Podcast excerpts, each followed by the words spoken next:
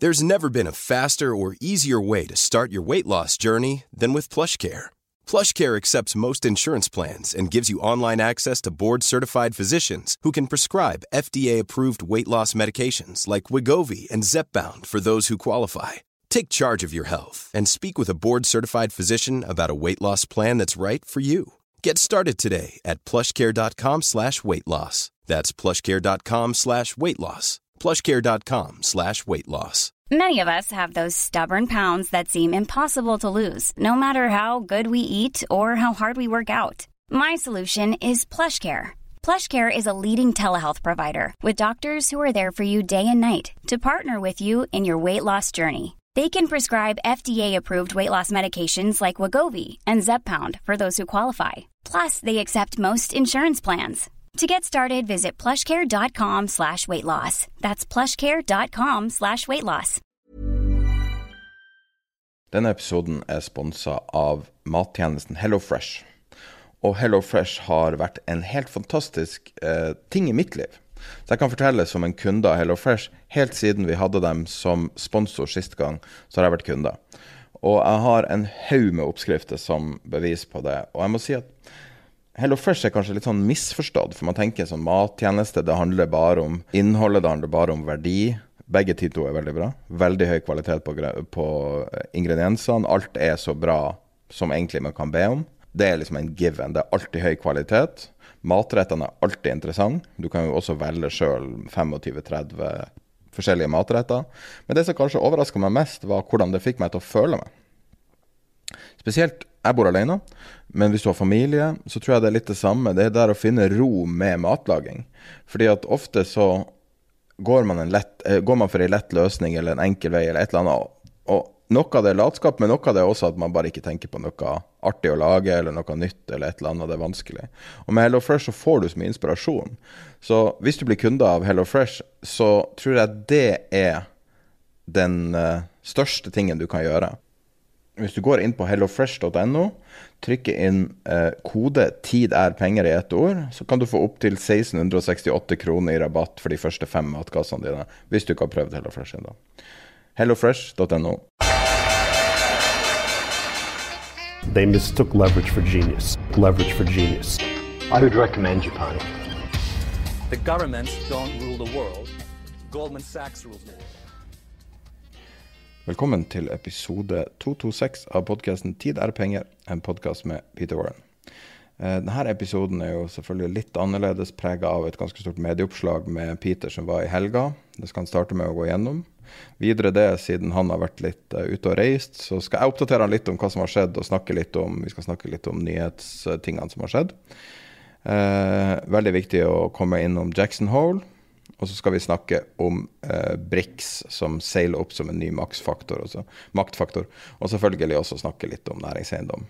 Denne episoden er presentert av eh, norske selskapet Dealflow. En børs for eh, nyere starta selskaper. Nye investeringsmuligheter der akkurat nå er OFS Norge, Loyal, Rippleboats, Pharma Nordic, Skytail, Time to Staff. Så jeg vil ta en titt på dealflow.no. Denne episoden er også presentert av Fixrate. Fixrate er selskapet som hjelper deg med store banker, altså hvis du er en bedrift. Store bankinnskudd med gode renter. Og akkurat nå, når jeg sitter og ser på skjermen klokka 19.26 når dette blir spilt inn, eh, er det 4,99 rente. Og eh, totalt er det 2,5 milliard som kan få innskudd på det. Men da går vi i gang med episoden. Ja, Du var i avisa denne uka. Jeg regner med det kanskje du har lyst til å fortelle litt om det, eller gi ditt syn på det som ble lagt fram? Ja, altså strictly speaking så var det vel forrige uke, men, uh, men, men, men ja, jeg skjønner hva du, hva du, hva du sikter til. Um,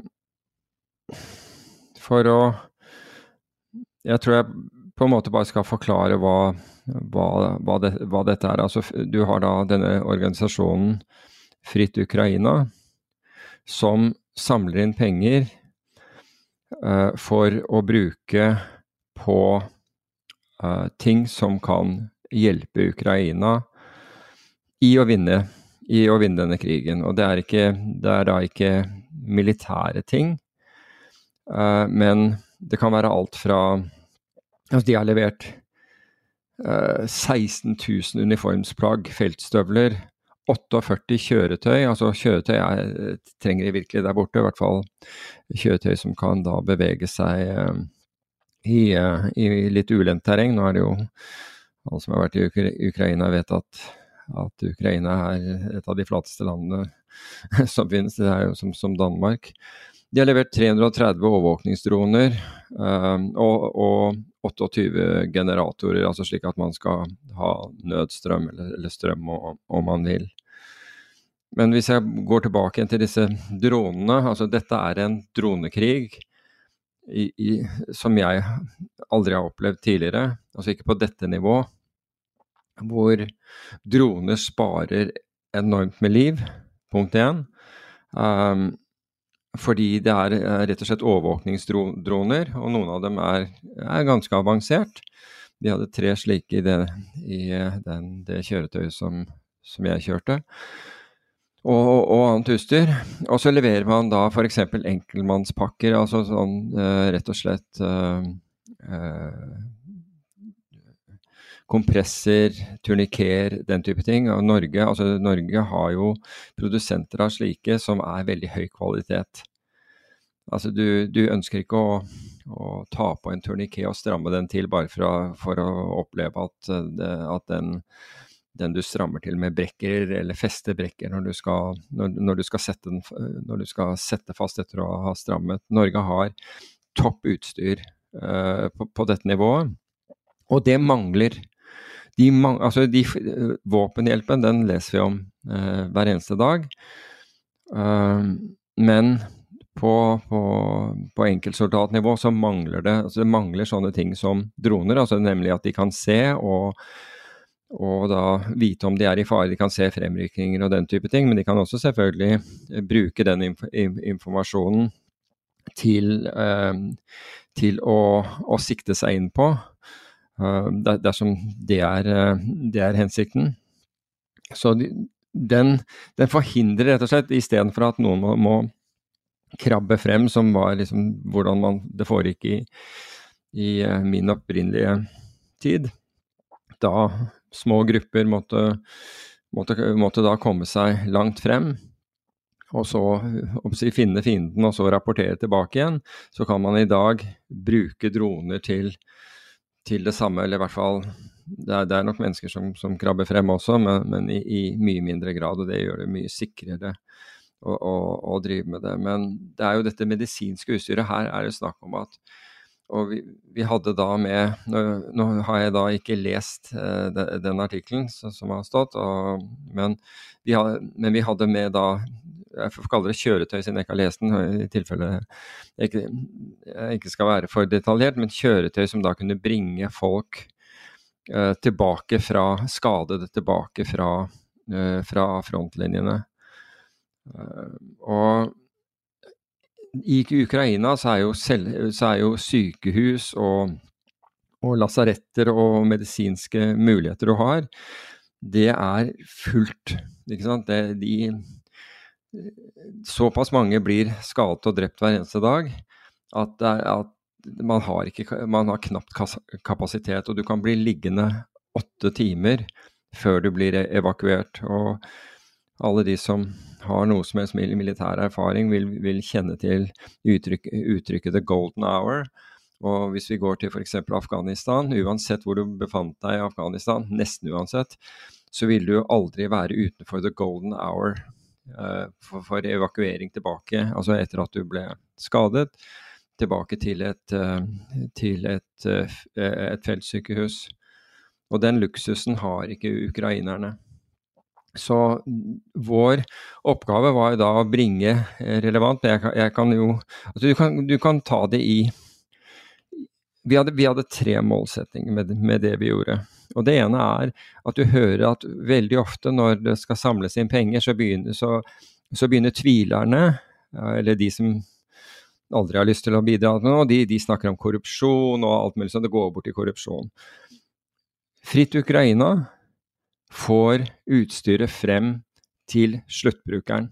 Det er ikke sånn at du drar til Lviv, som er da helt øh, vest i landet, altså lengst fra fra kamphandlingene, og så, no, og så bare gir du det til noen som da Og så vet du ikke hva som skjer med utstyret deretter. Noen forhåpentlig velmenende mennesker. Vi leverte det til de enhetene som skulle bruke det. Og dermed så sikrer du, altså for, for giverne har, altså, Her er det samlet inn over 20 millioner kroner. Så du sikrer at den hjelpen kommer frem uten at noen skaller av disse, disse midlene på veien. Det er det ene. Så vi skulle da ved selvsyn verifisere at dette, at dette, virkelig kommer frem til de som trenger det. Det var det ene. Det andre vi, vi skulle gjøre, og, og for, for, å gjøre den første, så, så, må du, så, må du, relativt langt frem, for å si det på den måten. Uh, du er ikke på selve frontlinjen, men du er godt innenfor artilleri og missiler og droner uh, nedslag. Så godt innenfor. Så hele poenget var å få det, være helt sikker på at, at, at, det kom frem. Det andre var å avdekke behov, for behovene endrer seg. Slik at man får oppdatert behov på hva som trengs.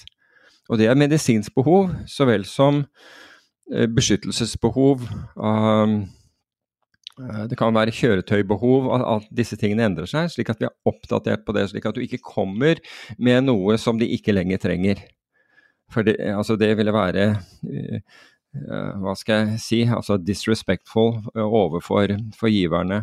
Så her er det først og fremst det, det, er, det er, det man, man, tenker på. Og til slutt, og dette har jo også med hvorfor man valgte folk med den bakgrunnen man gjorde for dette oppdraget, det var å vurdere den operasjonelle sikkerheten for de som deltar i dette arbeidet. Og her hadde, her hadde man mye innspill. Uh, og for vår egen del så ble vi også kompromittert ved, ved den operasjonelle uh, sikkerheten, slik at vi var da nødt til å flytte fra et hotell til, til et annet. Da var det etterretningen som fortalte oss at nå trenger dere å flytte. Um, for uh, they're on to you, for å si det på den, den, måten. Så det var Altså, det er Det var uh, målsetningen for, for, den, uh, for den innsatsen. Og man trengte da folk som hadde kapasitet og kunnskap til å vurdere dette. Og både vurdere helt opp hva den feedbacken man, man fikk fra fra, fra enhetene som, som, var i kamp, og etterretningsenheter og osv. Vurdere det og tenke ut løsninger og kunne, kunne faget godt nok til at man vet hva, man, hva, hva, hva de sier, og hvordan man kan omsette det i, i uh, materiell som, som, de trenger, men også den operasjonelle sikkerheten. Så det var på en måte hele rammeverket for, for, for Eh, for, for denne innsatsen. Og, jeg, og, etter min oppfatning så, så oppfylte man dis, disse tre med, med, med godt monn. Og samtidig så, så, får du da inntrykk, førstehånds inntrykk av hva som, hva som skjer der fremme. Og, og, hvordan ukrainerne dealer med det å være, være, i krig, og som er rett og slett stoisk for, for mange. Du har en uh, Med en gang du kommer inn der, så laster du ned, eller det kan du sikkert gjøre fra Norge for den saks skyld. Jeg vil ikke anbefale hvis jeg har lyst til å sove om natten, men det, det fins en app som du kan, du kan, laste ned, og så kan du velge hvilke områder uh, den skal dekke. For den dekker hele Ukraina. Du kan velge på et kart hvilke områder som den, den skal dekke, og da vil du få eh, rett og slett alarm hvis, eh, hvis, det er innkomne eh, missiler artilleri eller, eller hva, hva, som helst. Og jeg kan fortelle at hvis du har det for, for, de, for områdene som, som, nærmer seg da frontlinjene, Zaporizjzja f.eks., Hauson og disse områdene her, det hjelper ikke å ha telefonen på stille, for å si det på den måten, for den, den, eh, den bryter, bryter, inn i det. Så, så, kommer du ikke til å sove om natten, for det, for det går av kontinuerlig. Og hvis vi skulle ha en sjanse, eh, selv om vi orienterte oss alltid om hvor, hvor nærmeste eh, bomberom var, eh, hvis vi var statiske, altså hvis vi, var, eh, hvis vi kom til et hotell, så, så, orienterte vi oss om hvor det var før vi, før vi gikk og la oss. Og, uh, men uh, hvis, du skal, hvis, hvis, du da skal følge hver gang du får en, får en alarm, så ender du opp med å sitte i bomberom hele tiden. Så enkelt er det. Og befolkningen gjør ikke det, fordi for landet må gå rundt. Og vi fant også ut det. Vi, vi, vi visste hvor vi, vi hadde nærmeste bomberom, men for vår del så vi, vi forsto på intensiteten av, av angrep at, at, vi ville ikke klare å komme av flekken hvis vi skulle følge, uh, følge disse varslene. Så vi ble enige om at hvis nedslaget var slik at, vi, at, uh, at du, du, kjente det riste, da, da var det greit å å, å komme seg i, i bomberom. Men, men, men, ellers ikke. Og jeg tror det var siste natten i, eh, i Zaporizjzja, rett etter vi hadde lagt oss da, da, da, da slo det ned. Altså hver eneste dag så blir Zaporizjzja truffet av, av uh, missiler eller artilleri. Hver eneste dag. Slår ned hver eneste dag, så dør det mennesker i denne byen som er på ca. 500 000 innbyggere. Så Men som sagt, det, det slo ned. Men man kikker på hverandre, og bygningen rista vel ikke? Nei. Vinduene er intakt, og og så drar du dynen over og, og sover videre. Men det, det, fungerer rett og slett ikke hvis du skal hvis, hvis, hvis, du skal følge alarmen. Men den alarmen er veldig bra, for den det er nesten så folk burde, burde, burde hørt den. Pass på, pass på, at du stenger den av etterpå, ellers vil den fortsette for forever. Men der, er det, der sier de ikke overvurder deg selv, gå i bomberom. Og så får du da um, en melding når man anser uh, faren er over. altså Det er jo radar som da, eller AVAX som gir beskjed, eller hva som helst.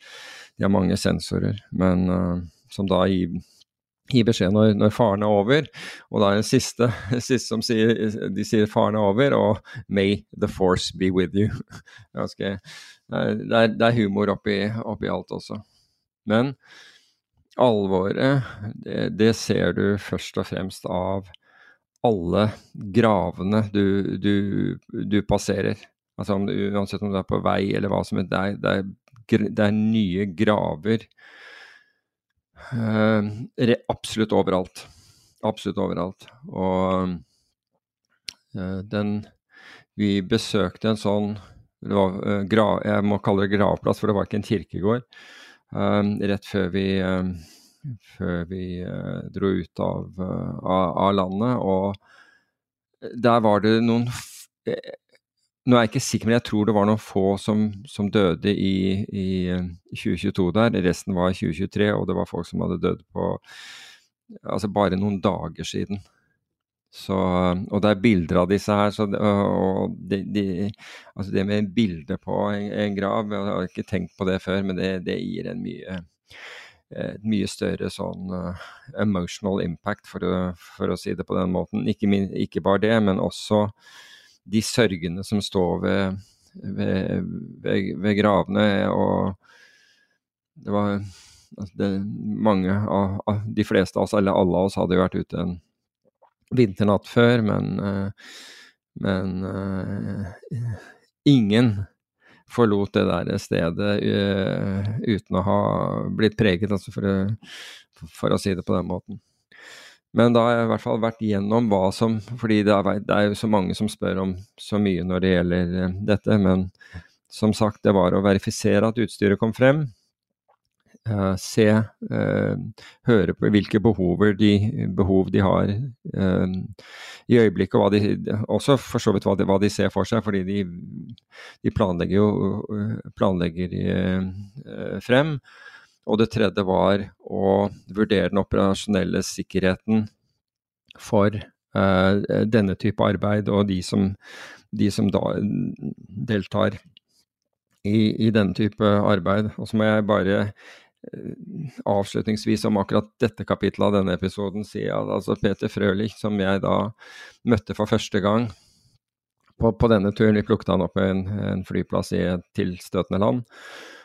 Uh, han har så Han brenner så for denne saken Altså, dette er ikke en politiker som gjør dette her som en form for jippo-greie. Han er så embedded i denne saken og har sånn oversikt og er så utrolig bra når vi kommer frem Han er den eneste som, som, som satt med adresser, for vi, de aller fleste adressene som vi, vi, dro til var hemmelige, og hver gang vi dro inn på et sånt sted, så må jeg si at jeg trodde nå har vi kjørt feil.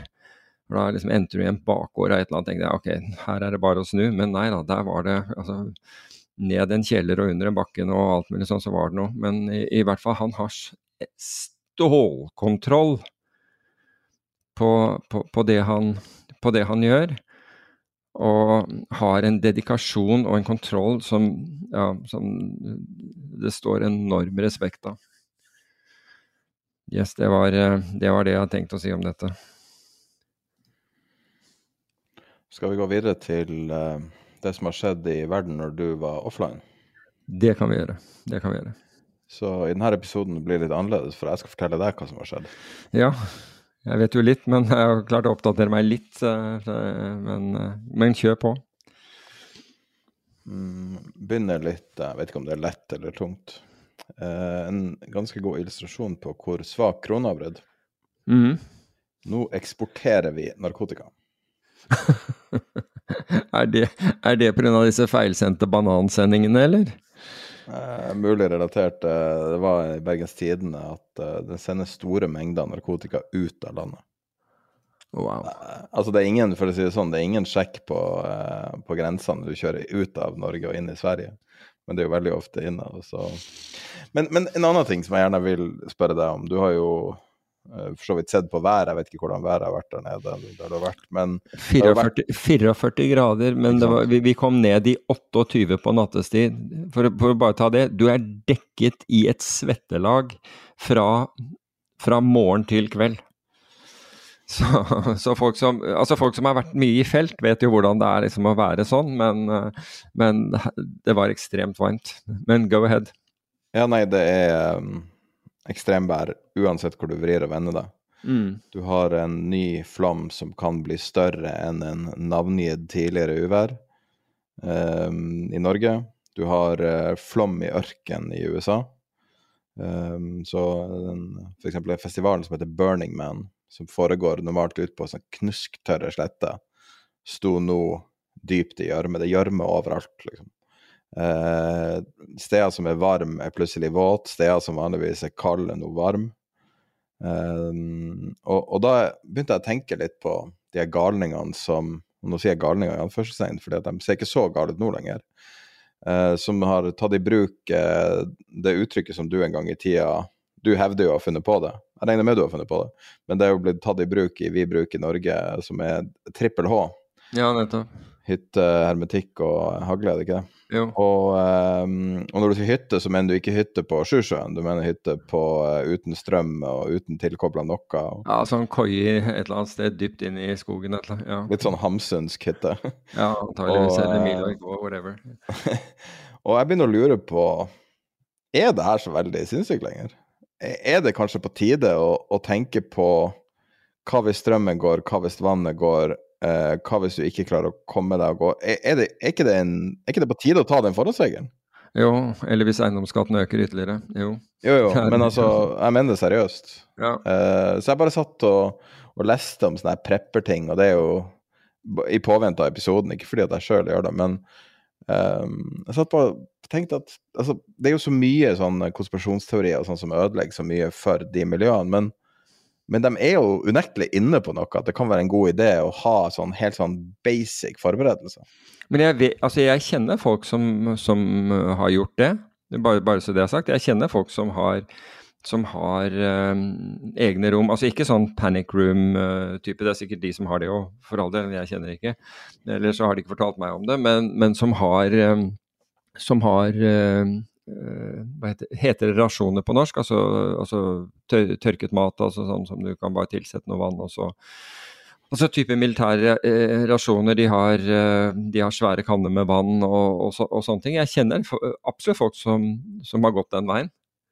Um, og, de, og, de, er ikke, altså Som personer så er de ikke ekstremister, de bare vil være sikre på at, at de Men det er, ikke det, er ikke det faktisk anbefalt av, uh, av Justis- og beredskapsdepartementet? At man har snakka om at du burde ha hermetikk og vann, i hvert fall.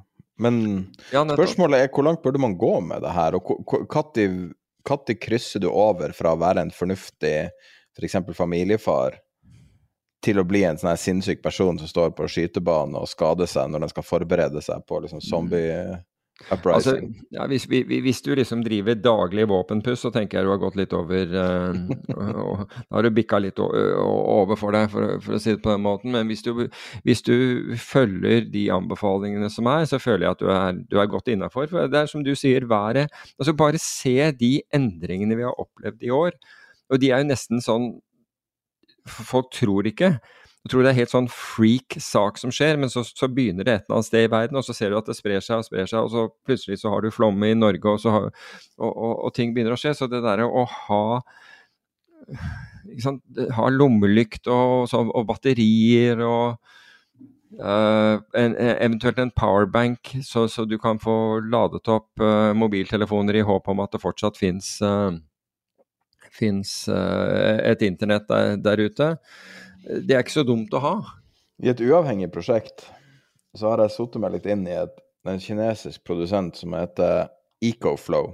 Som har et interessant økosystem. Veldig sånn smooth system. Litt sånn Apple-versjonen av batteri og solenergi og alt det Eh, og de har et sånn system der du kan koble til huset ditt. Og det tenker jeg er en ganske god idé, der du kan ha f.eks. en to-tre batterier som er kobla via en boks til huset ditt, og så har du også kobla på en generator på samme systemet hvis mot formodning noe skulle skje med strømmen. Og så tenker mm. alle ja, du er en idiot, helt til strømmen går. Ja, ja. Og så har du mulighet til å gå på, på diesel i verste fall, liksom.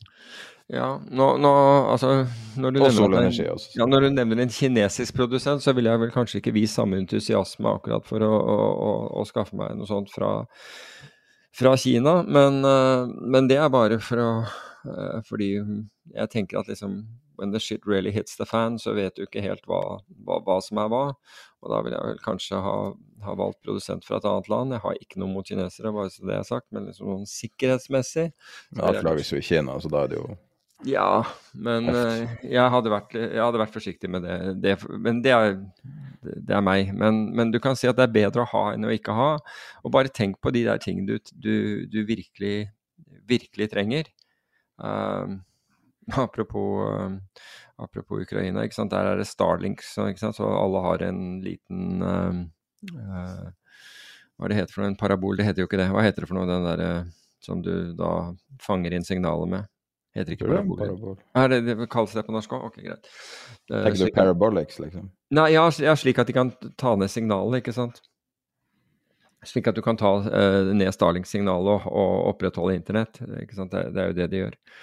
Men uh, Altså, man trenger ikke å, å, å, bruke hundrevis av tusen kroner på, på, på, det vi snakker om nå. Nei, men det, det, er jo virkeligheten allerede blitt virkeligheten for veldig, veldig mange. Bare se opp i Nesbyen. ikke sant? Andre flom på, på, kort tid.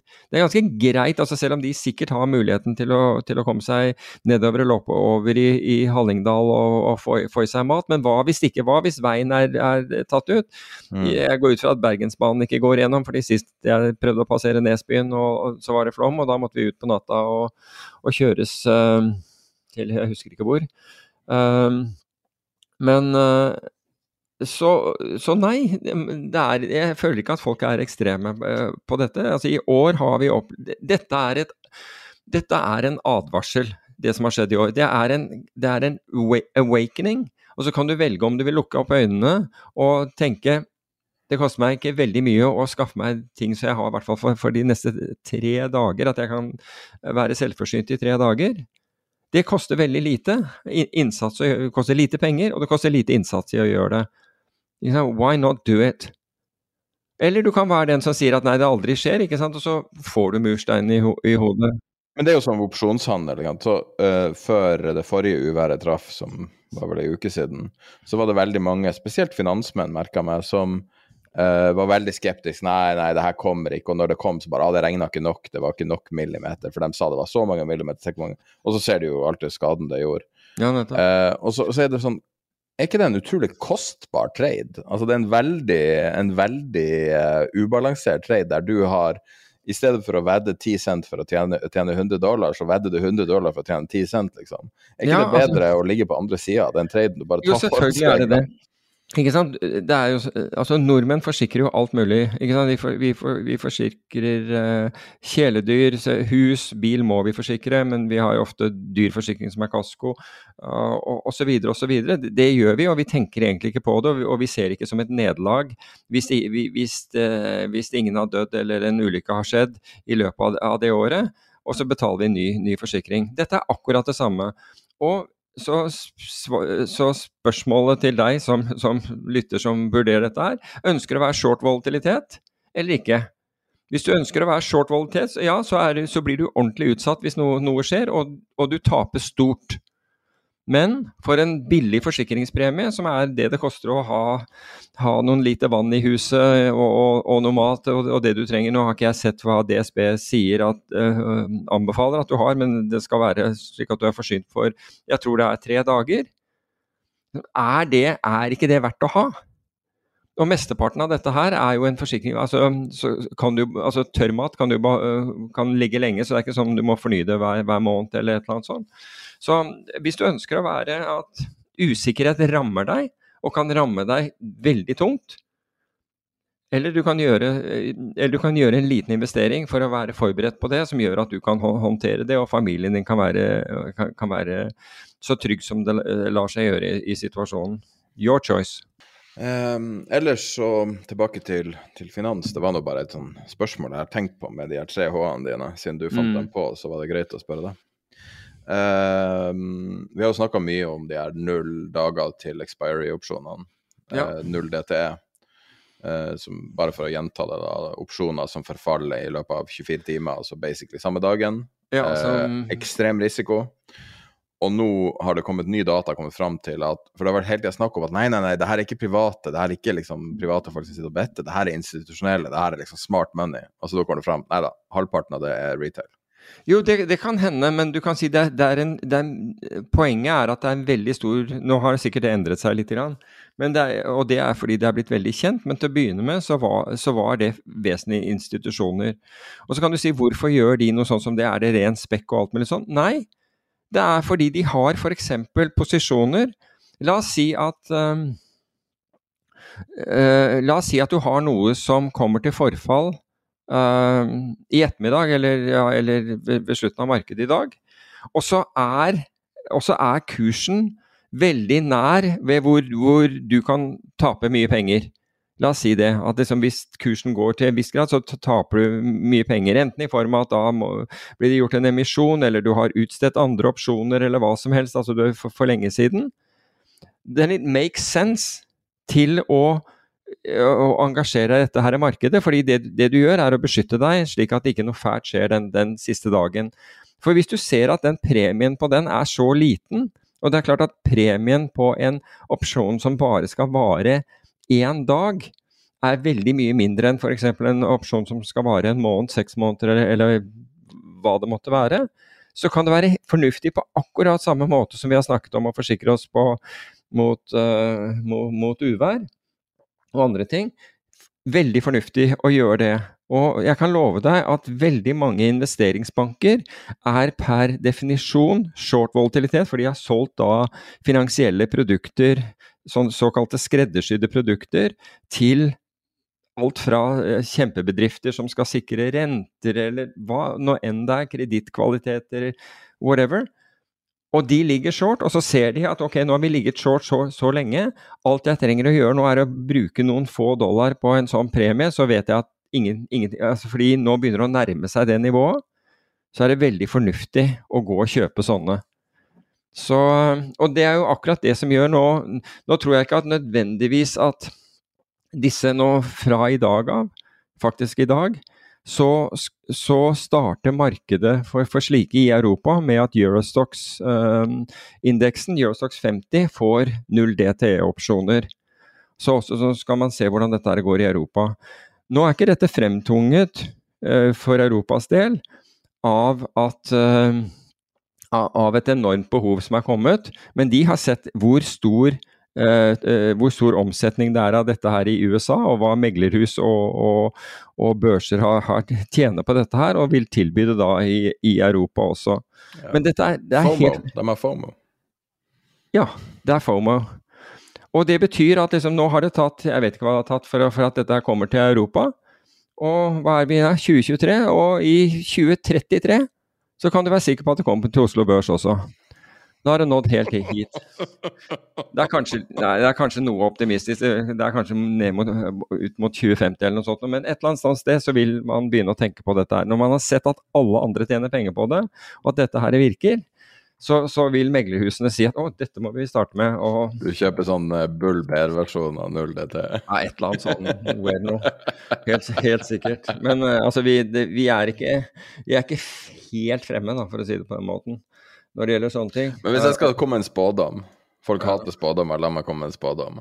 Når vi går tilbake igjen om 20 år og skal lage en dokumentar om denne perioden og det er sinnssyke, så tror jeg at man kommer til å si herregud, det her null DTE var et feilsteg. På samme måte som eh, å tro at Wall Street Bets hadde en eller annen sånn unik innsikt var et feilsteg. Nei, det er, ja, men det er, det er jo ikke det for de som har et behov om å sikre seg. De som utstedere driver og gambler. Men så har du mange, altså de som har sikringsbehov, har ikke noe med gamble å gjøre. De prøver å redusere usikkerheten. Så har du mange, og det er sikkert det du vil inn på, fordi eh, retail etter hvert begynner å, å, få øynene opp for det, som er da villig til å, å, å, bruke dette som et spekulasjonsinstrument. Og det tror jeg du har helt rett i.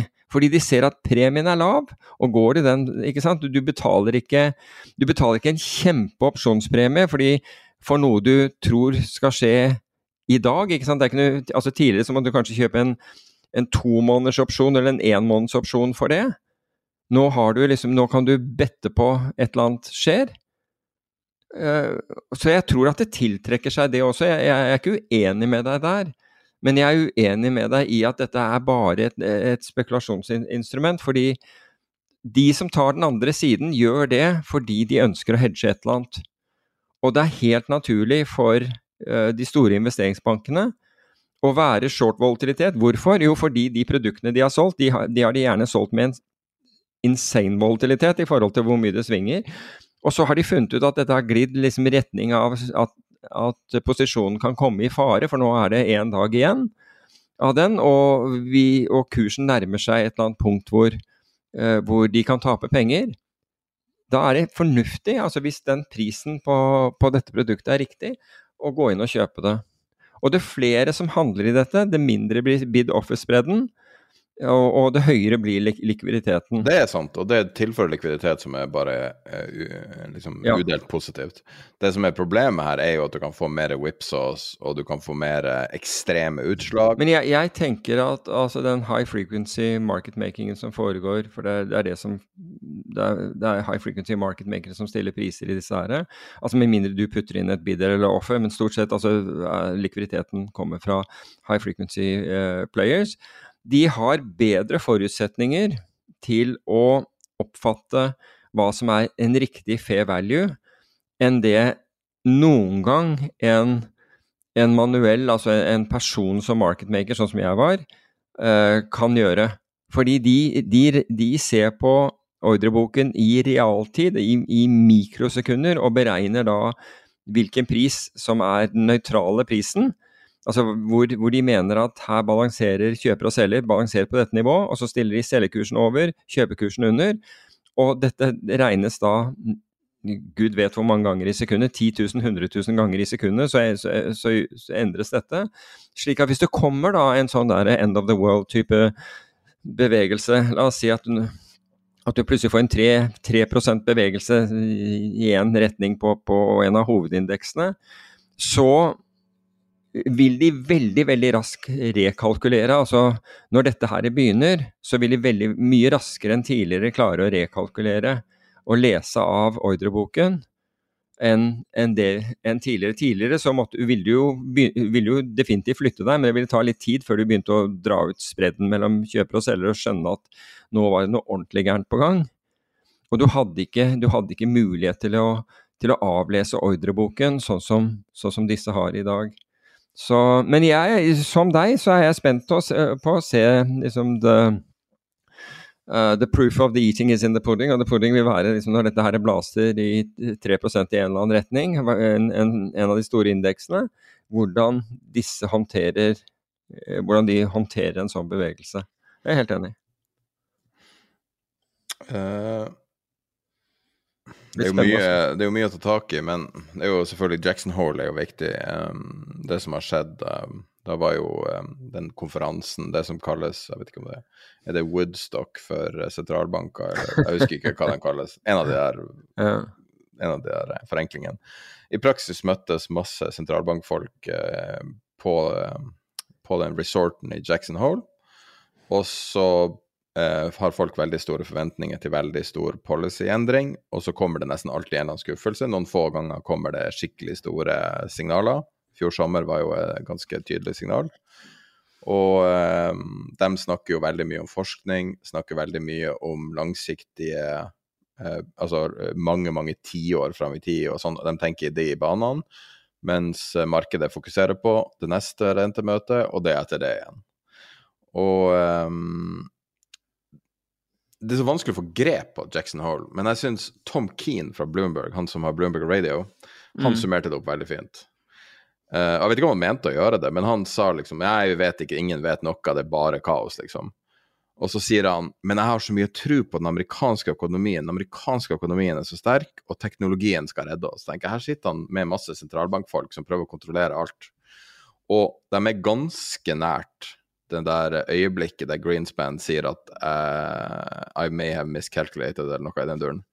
Mm. Uh, altså, hvis du liksom Helheten på Jackson Hole er ikke en fallitterklæring, det er det ikke, men det begynner å gå i retning av det at de kanskje har bomma litt, og ikke, ting er ikke så lett som det blir lagt fram. Og samtidig så sier han ja, den amerikanske økonomien skal fikse alt og sånn, og, og, og det bare ordner det. Og det minner meg om rett før finanskrisa, så var det en kar som ble intervjua på CNBC, når de begynte å snakke om dollaren, så dollaren var så svak da. Og sa han folk bare elsker dollaren. De bare elsker dollaren. Dollaren er magisk. Og det var jo ansett da som et ganske teit argument, fordi at dollaren er jo bare en valuta som alle andre, selv om den er viktigere. Mm. Uh, og det er litt sånn rart at når man er på en sentralbankkonferanse, så er konklusjonen den amerikanske økonomien og teknologisektoren skal redde alt. Ja, jeg, jeg, ser den Og den er jo forankret i, i, at vi tror at vi kan forutsi hva som skal skje. Hvilket vi nå er no, Altså, mennesket er notorisk dårlig til å forutsi ting. Så enkelt er det. Vi har en elendig track record, og sentralbanker har en elendig track record på, på å gjøre det. Og jeg må jo si at når, altså det Greenspan-momentet som du sikter til, jeg føler jo egentlig at, at Powell allerede har gått forbi det der den, den, da han fullstendig bommet på og, og kalte uh, inflasjonen for transitory, altså det, det, er bare forbigående, det var ikke noe å reagere på osv. Så, videre. så jeg føler at han allerede har hatt sitt Greenspan-moment. Og det kan være at vi får et nytt et, det er ikke det jeg sier, men jeg føler når det gjelder Powell, altså jeg syns det er helt utrolig at han fikk fornyet tillit. Uh, men, men, president Biden om det, han fikk det nå. Um, kanskje, han, kanskje, han, har lært av, av, av, sine feil, hva vet jeg. Det hadde jo vært hyggelig i så fall. Men, uh, men han er jo forsiktig i sine uttalelser. Han er mye mer forsiktig i sine uttalelser nå. Ikke Det er ikke, det er ikke bruk av, av floskler og, og, og, sånn buzzword som, som transitory hater det uttrykket for øvrig. Men uh, det, det, er jo ikke det Vi hører ikke det lenger. I forkant var det jo veldig mye snakk om R-Star. De finner jo alltid en, en ny måte å snakke om de samme tingene på. De prøver liksom bare å kick the can. Mm. Uh, og Nei, det jeg, jeg, bare mister så tiltro til hele de her, de her Masters of the Universe, liksom. De her uh, alle de karene som skal vite, har svarene på alle tingene, når vi, vi, har så mye bevis på at de ikke har svarene på alle tingene. Ja.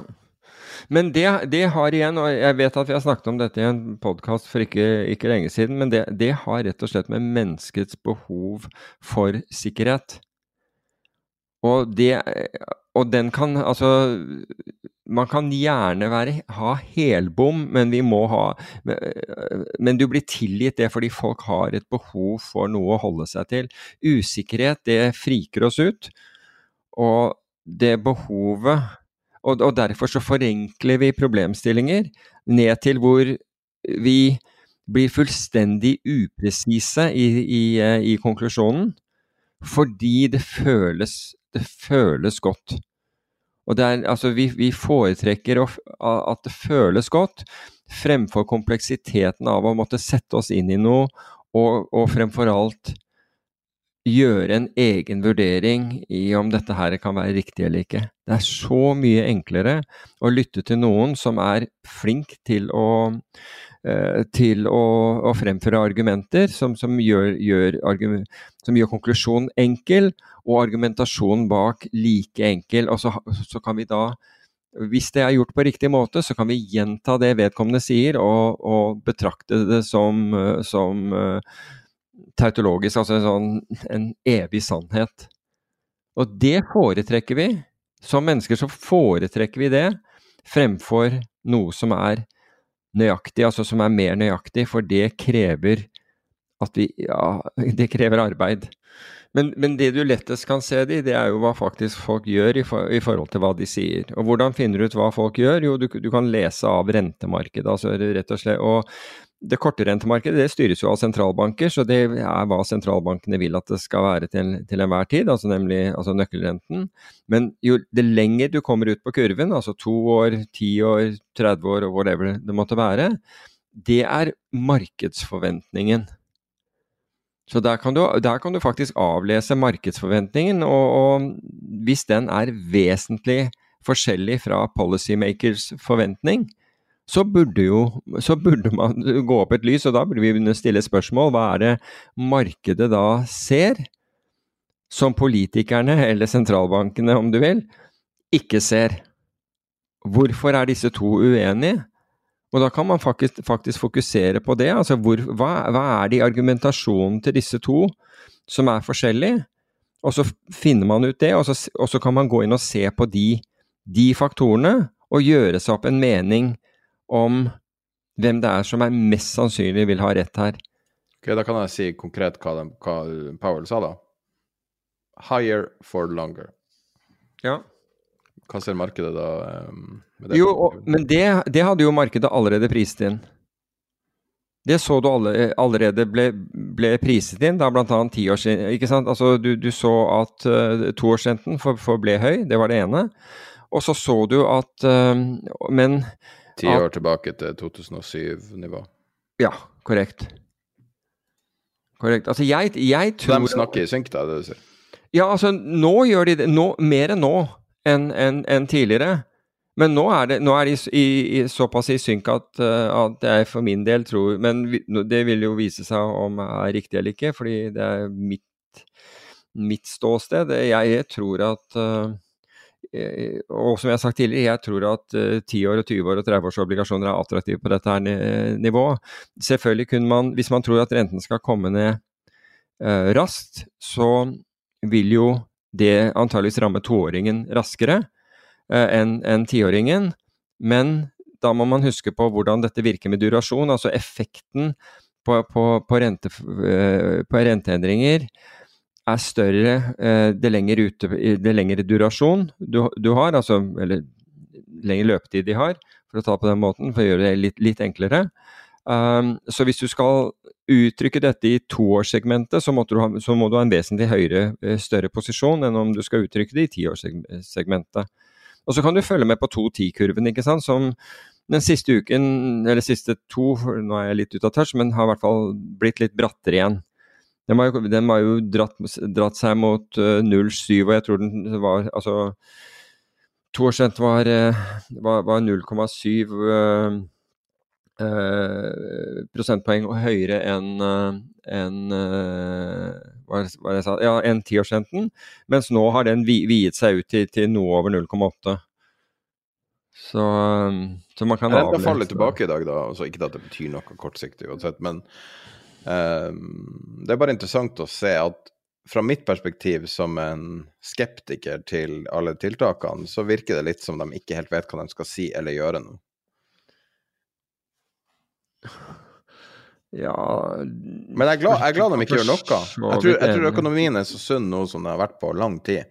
Jo mindre tiltak, jo bedre. Bare la ting løse seg sjøl. Kapitalisme det, det hadde, Ja, men det hadde jo vært interessant om man, man, gjorde, men det har man jo ikke gjort. Det har man, altså, man har gjort det nå siden de siste årene, eller litt over et år, så har man latt, latt i hvert fall for USAs del, ikke helt, men latt ting være i fred. Mens fra 2008 og, og, og, og frem til eh, slutten av eh, 2021, så hadde vi jo kvantitativ lettelse hvor vi påvirket markedene hele tiden. Så hvis kapitalismen skal få lov å virke, så må du jo la markedene få lov å virke også. Og da må, altså Skal kapitalismen virke, så må jo dårlige prosjekter gå nedenom og hjem.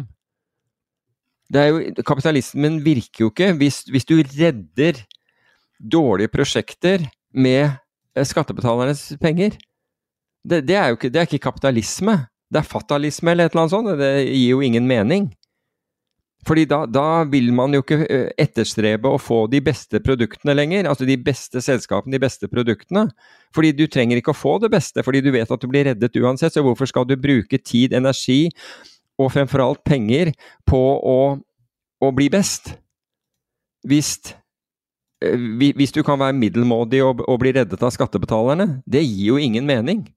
Så jeg vil jo hevde at kapitalismen har, har jo ikke virket siden well, 2007 2000, Jeg vet ikke om den virket i 7 heller, for den saks skyld. 2000, eh, nei, den gjorde ikke det. Så kanskje, kanskje 2006. 1907. 1907. Uh, ja, det må, ja, det må jeg tenke mer på. Men, men du kan si at jeg, jeg, oppfatter ikke at kapitalismen har virket. Vi, vi, snakker om kapitalismen, men det er jo ikke Vi har fått en ny Kapitalismen har fått en ny definisjon. Og den definisjonen er at vi driver og redder de som, de som starter virksomheter som ikke, har, ikke, har, ikke fortjener eh, å overleve. Men du vet hvorfor jeg sier 1907?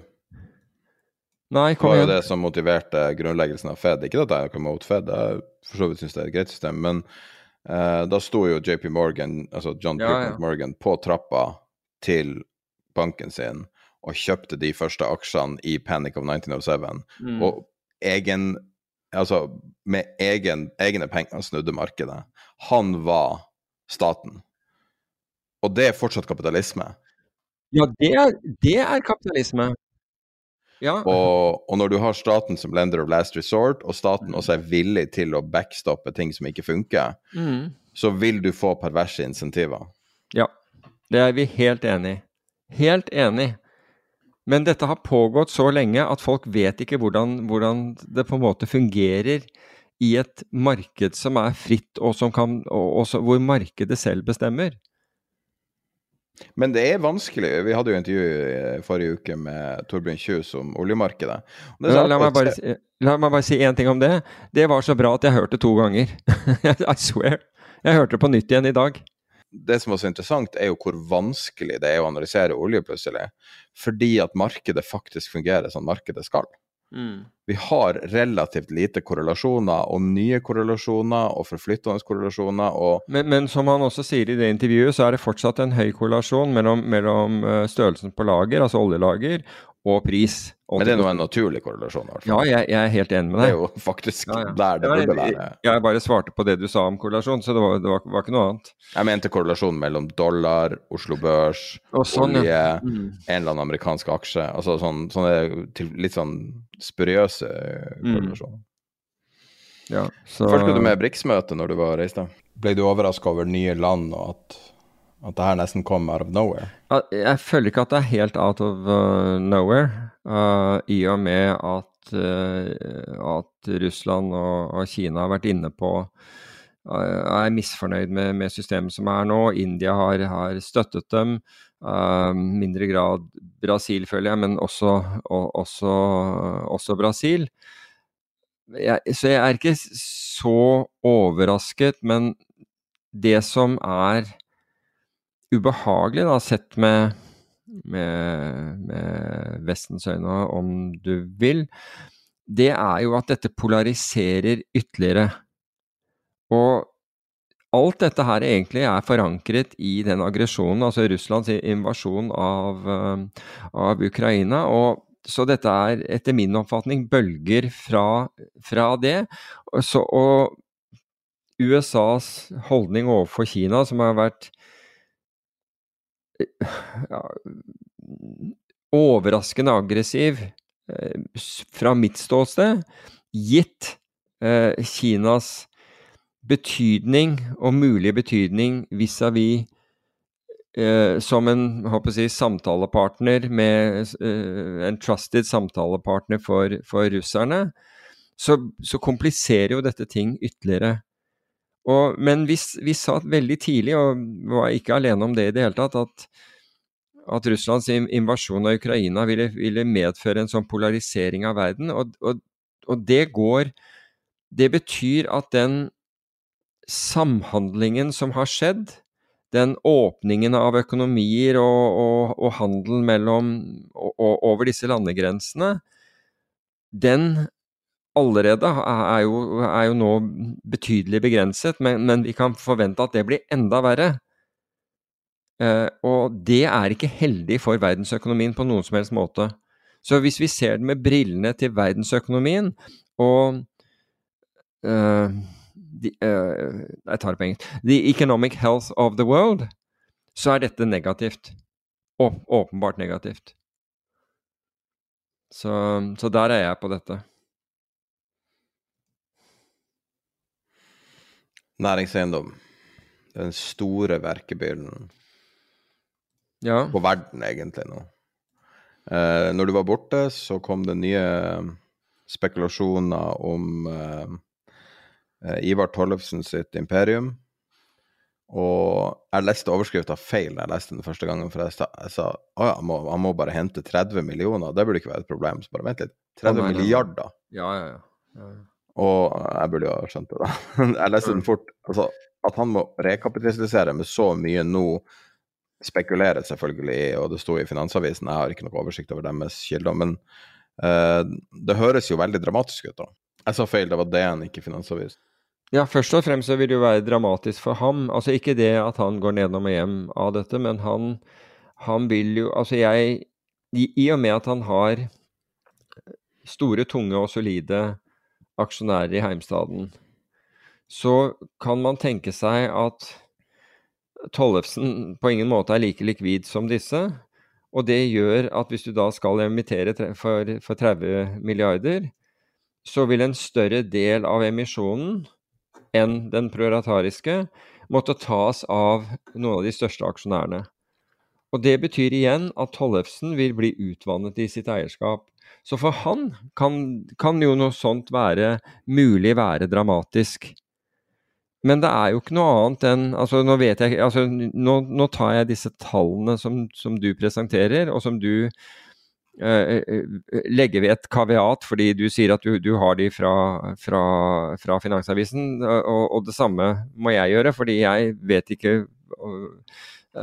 om disse tallene er, fullstendig, uh, er, er fullstendige. Men, men, det er klart at han Altså Fra hans ståsted, så hvis det verste som skjer med ham, er at han blir utvannet, så overlever heimstaden, og han overlever, men han vil ha da mindre verdier, altså, eller en mindre eierandel i selskaper.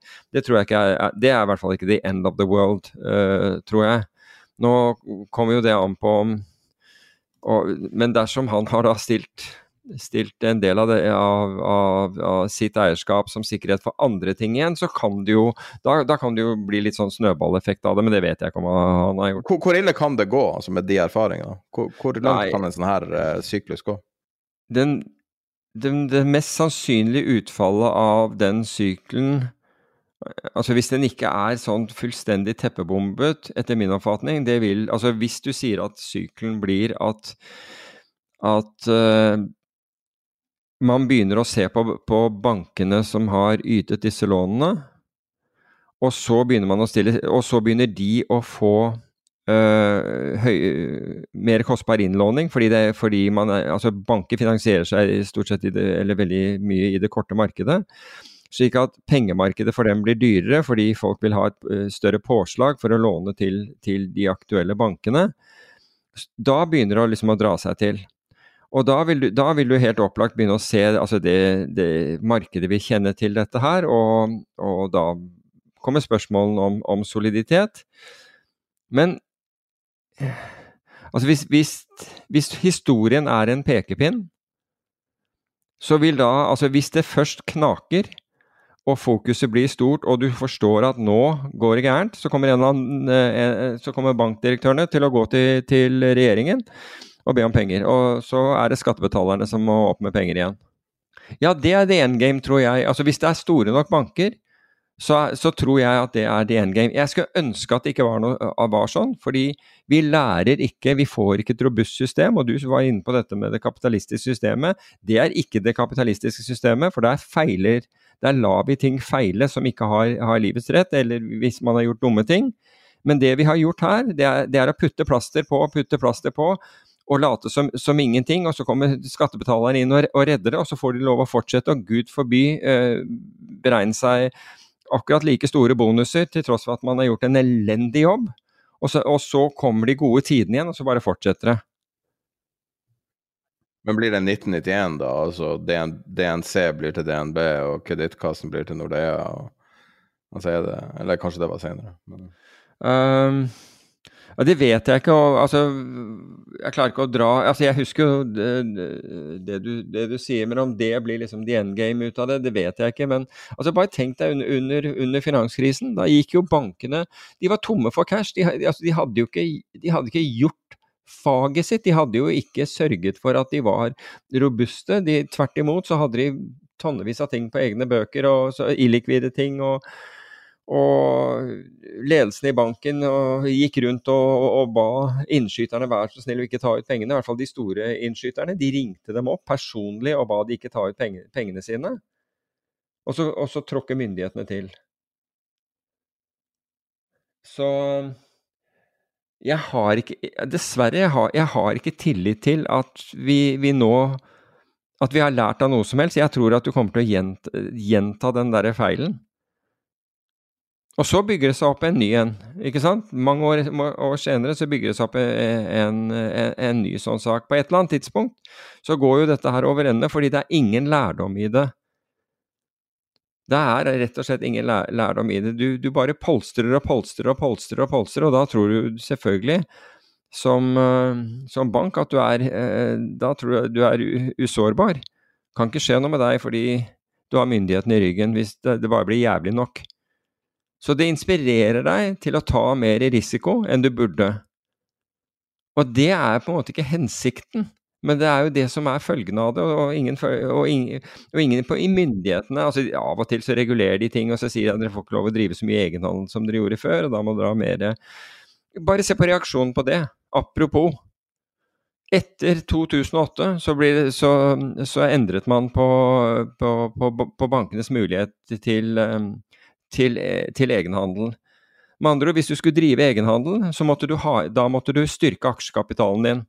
Hva skjedde da? Aksjonæren sa hell no, hvis jeg må ta risikoen, kan du bare glemme. Det er jeg ikke interessert.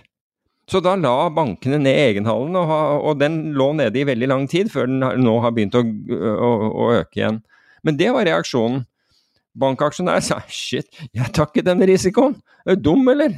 Skattebetaler jeg har tenkt å dumpe dette på hvis dette går gærent. Tvert nektet å, å, å øke egenkapital. Var ikke interessant. Så Og da har du ikke lært mye, mener jeg, altså når, du, når du klarer å, å, gjenta det. Ellers så så jeg for øvrig eh, jeg tror du, hadde, eh, du skrev vel om det at tidligere ledelse fra JP Morgan dømt for manipulering av gull- og sølvmarkedet. Uh, uh, de holdt på så lenge å manipulere altså gull- og sølvmarkedet at det var helt utrolig. Det var så Det ble gjort på, på, på, på, så mye av dette. Det ble gjort daglig som manipulerte JP Morgan eh, gull- og sølvmarkedet, sånn at folk trakk seg ut. Altså, første var at, at um, fond og, og, og, folk som ellers brukte, brukte disse markedene for, e, for edelmetaller, klaget til, uh, klaget til, børsen, men fikk da beskjed om at JP Morgan var så viktig at uh, de var mye viktigere enn disse, disse enkelt, uh, enkelte sluttbrukerne, så det ble ikke gjort noe. Og så, Det tok jo mange år før myndighetene begynte å se på dette. Så jeg er jo nesten forbauset at de har klart å, de har klart å reagere nå. Um, det, det, var insane hvordan, hvordan én aktør holdt på i det markedet. Skulle ikke tro det var mulig engang. Så dette med effisiente markeder og perfekte markeder, det tror jeg vi kan se, se bort fra sånn generelt. Vi kan kanskje legge inn deler av det intervjuet som var med Torbjørn Kjus uh, i slutten av denne episoden, og så kan folk uh, gå og snike seg bak vår betalingsmur hvis de vil høre her resten. Mm, ja, det, ja, legg inn litt, for jeg, jeg syns jo det er, det er, kjempebra. For han, han, han, snakker jo om alt, og de, han er så bra på å forklare sammenhengen mellom, mellom, forskjellige ting, om det er um, olje og oljeprodukter, eller om det er relativt til, til, andre ting i økonomien. Og han er også inne på dette med, med si, det grønne skiftet. At hvis vi stenger Altså kutter vi altså kutter vi eh, fossilt brennstoff, så, så sulter folk i hjel, rett og slett hvis vi er for raske med det. Fordi de er helt avhengig av alt går på det. Transport går på det, maskiner går på det osv. Så, videre. så det, det, er greit å Altså, jeg absolutt ønsker, ønsker et grønt skifte, so don't get me wrong. Men hvis vi er for eh, tunghendte og for raske med det, så får det enormt dramatiske konsekvenser. Og jeg syns han forklarer det veldig, eh, veldig godt. Blant annet det veldig godt. Supert. Da runder vi av med litt Torbjørn Kjus. Resten er på vår spir. Ha en fin uke. jeg så en artikkel fra bak en betalingsmur der jeg hadde inntrykk av at du hadde en ny analyse eller en ny take på markedet framover. Stemmer det? Ja, altså, ny og ny. Eh, det er jo sånn at jeg er ikke ute i media så ofte lenger. Eh, så jeg, jeg har jo hele tiden oppdaterte modeller osv. fortsatt. selv om jeg er mye sjeldnere i media enn jeg var når jeg jobba i DNB. Eh, så, så, og dette her har jo egentlig ligget eh, i kortene for veldig mange konsulentselskaper og analytikere at andre halvår ser veldig mye bedre ut enn en første halvår. Og det har jo mange trodd på egentlig gjennom første halvår også. Så, hvis man skal starte å se på hva som har skjedd med oljepris, da, så har vi jo snitta på nesten 80 dollar fatet i første halvår.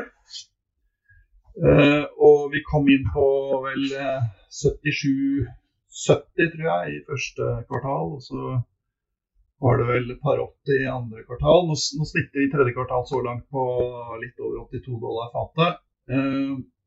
Og så, så, sånn sett så, så, ligger vi på en måte an til at uh, så langt at det er litt høyere pris enn i første halvår. Men, men endringen i balansen er ganske massiv da, hvis du prøver å se på, på hva som har skjedd. Så Hvis vi starter med etterspørsel, da, så, så når man følger med på hva aktørene eh, Du har jo ikke sant, du har IA, du har EIA, eh, e altså Department of Energy. Eh, du har OPEC, du har en god del konsulentselskaper. Woodmac, Rystad, Energy Aspects, SB Global. Eh, du har eh, en god del bankanalytikere. Goldman Sachs, Morgan Stanley. Det er masse folk som trekker, prøver å trekke oljeetterspørsel både real time og Real time er jo veldig vanskelig, men også det som har skjedd. da. Og du ser på Hver gang det kom, har kommet en ny månedsrapport fra disse forskjellige aktørene, så har de opprevidert Eh, etterspørselsnivået da, for 2023. Så det er ikke noe tvil om at etterspørselen har ganske, ganske massivt overraska på oppsiden i 2023 så langt. Og disse høyfrekvensdata som man kan trekke biltrafikk, flytrafikk, eh, den type indikatorer også. Eh, og så har du det for ikke hele verden, selvfølgelig, men en del viktige land. da. Så kan man se at eh, så Goldman Sachs skrev f.eks. at i, i, juli så ble det satt ny rekord på 102,8 millioner fat om dagen oljeetterspørsel. Og det IEA har veldig likt tall som det egentlig for juli. Hvis du tar um, kvartalsestimatene for non-OCD og sier at det kan brukes for juli. For de lager jo ikke månedsestimatet for non-OECD i IEA. Eh, men da, da, ser man at etterspørselen er opp 2,4 millioner fat om dagen eh, sammenlignet med juli i fjor. Og det er jo Kina som er største biten av det. 1,7 millioner fra Kina, 0,2 fra India, 0,1 eh, fra Brasil. Og så er det eh, OECD-landene, typisk Japan og USA, som står for det meste oppgangen i, i OECD. En halv million fat opp fra i fjor. Eh, men også litt opp i Europa, faktisk. da.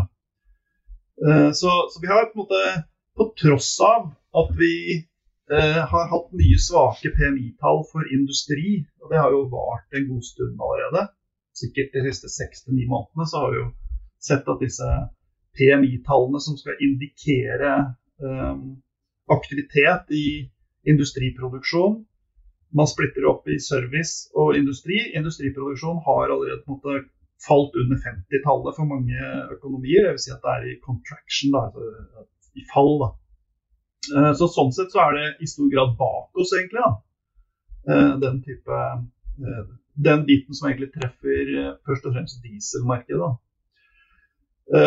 Så, men markedet er, har vært veldig redd for, for, den biten av det, og har trodd at vi skulle få svakere etterspørsel enn vi faktisk har fått. Vi har også sett siden mai, så tror jeg Eh, en større del av markedet har blitt klar over det. For vi har sett at raffinerimarginene eh, har steget kraftig siden mai. Så jeg har noen modeller på standardiserte raffinerimarginer. Eh, man må jo på en måte, Det er ikke et eneste raffineri i verden som er likt som et annet. Man må prøve å lage en sånn standardisering eller sånn snittmargin. da ut fra sånne standard setups på raffineriene. Så de enkle raffineriene har jo ikke ikke oppgraderingsenheter, så de er mer avhengig av det naturlige innholdet i rollen de kjører. Mens de, de, mer komplekse de kan ta eh, f.eks. kjøpe resid fuel fra et annet raffineri, som er eh, ja, Kall det bunkerfuel, da.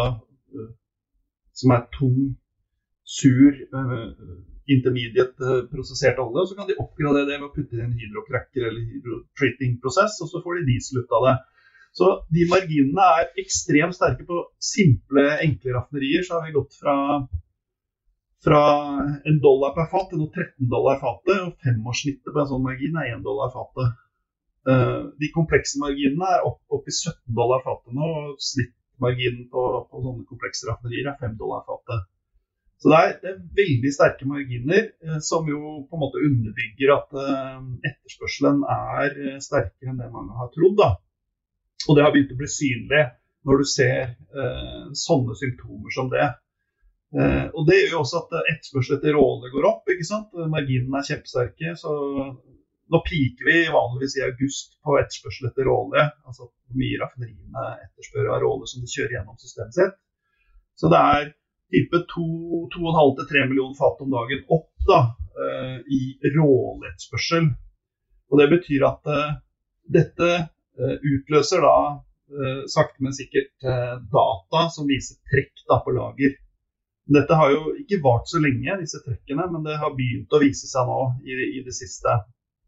Så det er på en måte eh, et, noe som, som, en del makroaktører som ikke ser på dette i real time, og som ikke abonnerer nødvendigvis heller på konsulentselskaper på, på real time eh, oljedata. Jeg abonnerer jo på visse sånne data.